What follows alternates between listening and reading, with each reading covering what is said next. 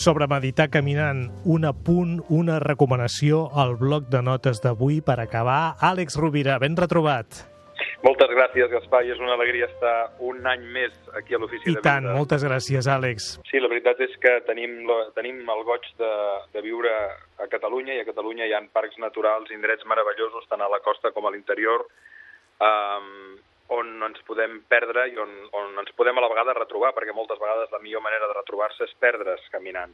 I precisament, en relació al tema que ens ocupa avui, si et sembla que es fa, m'agradaria fer la recomanació d'un llibre mm, que jo m'atreveixo a jutjar com a deliciós. Molt bé. Es diu, és un llibre escrit per Frederic Gross, tal com sona, Gross, G-R-O-S, publicat per, per Random House, eh, per Penguin Random House, i el títol és, eh, és en castellà, Andar com a una filosofia.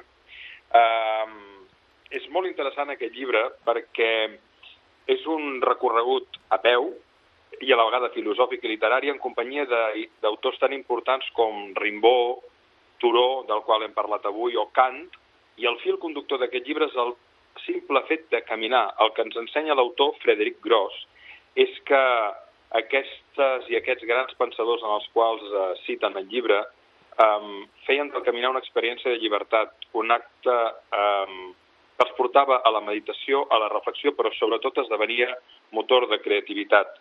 Uh, I fa una pregunta molt divertida en el llibre, diu, i si només es pogués pensar bé a través dels peus?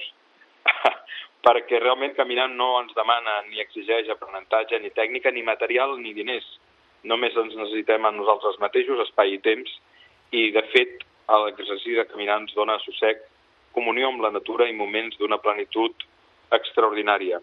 Um, aquest llibre jo diria que és una celebració del, del caminar, del passeig, i una reivindicació de les virtuts elementals que potser hem perdut degut a les presses, a la monotonia fins i tot. Des d'un enfoc cultural bastant erudit, però molt fàcil i molt amè, Frederic Gross eh, ens convida a valorar les avantatges no només de, de, de la serenitat, sinó de fer-ho caminant. Ell ha dit, per anar més a poc a poc, no s'ha trobat res millor que caminar i només ens calen les nostres cames. Tota la resta superflua. Volem anar més de pressa a la nostra vida? Doncs aleshores um, no caminem, fem una altra cosa.